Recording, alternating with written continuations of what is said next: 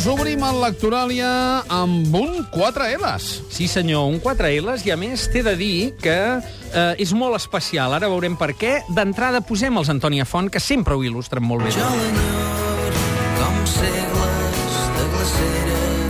Tenim icebergs i geysers, però a més a més tindrem aviat música de les illes, perquè en Tomeu Penya ja ha arribat i ens cantarà en directe. Home, això serà un veritable luxe. Sí. Mallorquins, catalans i com més cosins, Més, allò, sí. allò que es diu. Més Molt- mallorquins. Més mallorquins.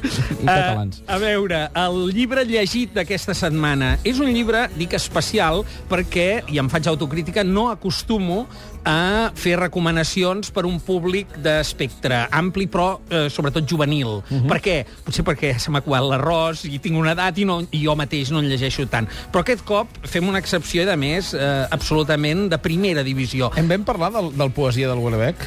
Vam parlar de la poesia de... Sí, sí, Espectacular, sí. eh? Espectacular. Això sí que ho toquem, diguem. Sí, sí, sí, sí. Uh, però la literatura... Uh, uh, avui et porto una cosa que en diuen un fantasy. -huh. En diuen un fantasy, eh, les etiquetes, no? Es diu Carvadan, la llegenda de l'impostor. El seu autor és en Carles Batlle, això ho publica la Galera, té, com pots veure, 600 pàgines, Déu-n'hi-do. i és la primera Estem part... davant d'un Victus. Uh, sí, senyor, però és la primera part d'una trilogia. Uh! Que serà. És, és a dir, uh, veure, què, què tenim aquí? És una novel·la d'aventures. Jo crec que pot captivar a un sector molt ampli de públic, però està adreçada a un públic juvenil. Hi ha una parella de eh, nois que podrien formar part d'un grup d'indignats, és a dir, parteix de la realitat, per entendre'ns, eh, que se'n van d'excursió a l'Alta Garrotxa eh, i que de sobte, a través d'una cova, eh, entren en un món paral·lel.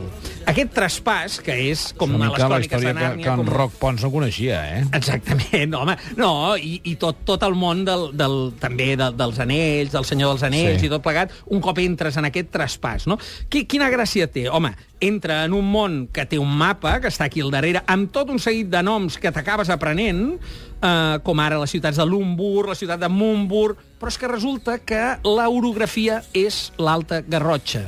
Eh, es manté. I llavors, aquest eh, noi que ha passat que eh, a la vida normal es deia Pol, ara, de sobte, és rebut per tothom com si fos una mena de mm, escollit que els ve a salvar d'una maledicció. Està molt ben aconseguit el joc de veus i, eh, des de la perspectiva d'un lector com jo, que, que no llegeixo aquest, eh, diguem, gènere... Sí? T'ha sorprès? M'ha sorprès molt favorablement. A veure, el Carles Batlle és un dramaturg que ha estrenat al Nacional, que havia estat vinculat a la Beckett, vol dir que és un autor de solvència, l'escriptura és molt clara i atrapa moltíssim la construcció de les escenes, no? Eh, de manera que no el pots deixar. Vas tirant endavant i et trobes, clar, amb un seguit de gròfols. Eh, de, a mi, normalment, si hi ha moltes bestiotes, la cosa em tira enrere, no? Però aquí m'he anat bé. I després, una cosa fonamental és que, a diferència de les novel·les aquestes juvenils amb vampirs, que els nois i les noies no s'arriben de tocar mai, saps? Allò, que aquí hi ha pell, tu.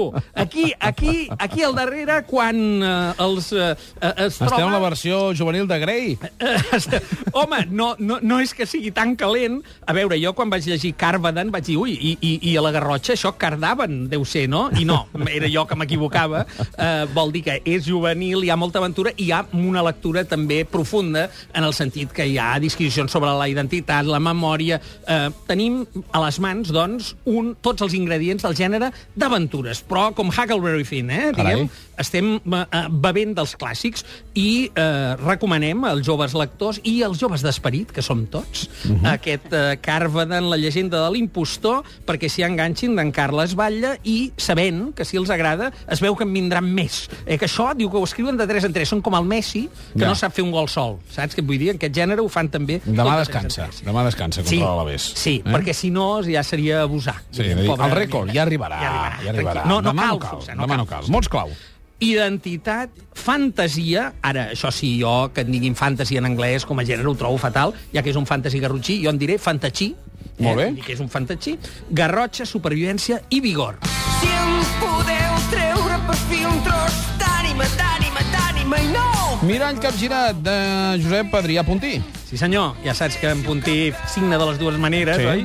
Uh, I justament... Uh, Ens il·lustra el rellegit. Uh, venint de- d'un uh, exercici de literatura fantàstica, he pensat uh, que era un molt bon rellegit recomanar la reedició que acaba de sortir a la butxaca de A través del mirall de Lewis Carroll.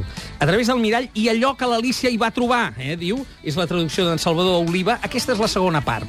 La segona part d'Alícia en Terra de Meravelles, que mm, a Lewis Carroll va escriure sis anys després de publicar la primera part, que va tenir un èxit estrepitós i inesperat en l'àmbit anglosaxó. Aquí eh, això està plantejat per tothom qui no ho conegui encara, tot i que és un clàssic, com una partida d'escacs en el qual Alicia és un peó i vol arribar a ser la reina, en el fons, no? Eh, que, que gairebé pot tenir moltes lectures alegòriques en la relació amb el poder i tot plegat. Ja hi havia una altra traducció catalana de l'Amadeu Viana a Codens Crema, que es deia A través de l'espill. Aquesta, que és del Salvador Oliva, que havia estat a Empúries i ara a la butxaca, és busca un llenguatge més planer. Vol dir que ja d'entrada en diu mirall, etc. És una traducció molt sòlida i és un clàssic que no podem negligir. Lewis Carroll, a través del mirall. Mots clau? Poder, imaginació, llibertat, paral·lelismes i sensibilitat. de Barcelona. Barcelona de Quimi Portet ens il·lustra el fullejat. Sí, senyor, acabem amb un fullejat de primera, que és un dos en un. Concretament, Barcelona Pam a Pam, d'Alexandre Sirici, reeditat ara i acompanyat de Per no perdre peu, d'Itziar González Virós. Això ho publica com a negre en un Gil llibre, González una Virós, capsa. eh, tertuliana d'aquest programa. Sí, senyor, sí, senyor. Aquí hem sentit moltes vegades aquí que aquí fa un exercici molt notable, un exercici crític notable, que és resseguir aquell trajecte que Sirici va fer per dibuixar l'ànima de Barcelona. Ella ho ressegueix amb ulls d'ara i amb el seu esperit crític, que ja li coneixem molt recomanable, doncs. Barcelona, pam a pam i per no perdre peu, tots dos a Coma Negra. Moltes gràcies, Màrius.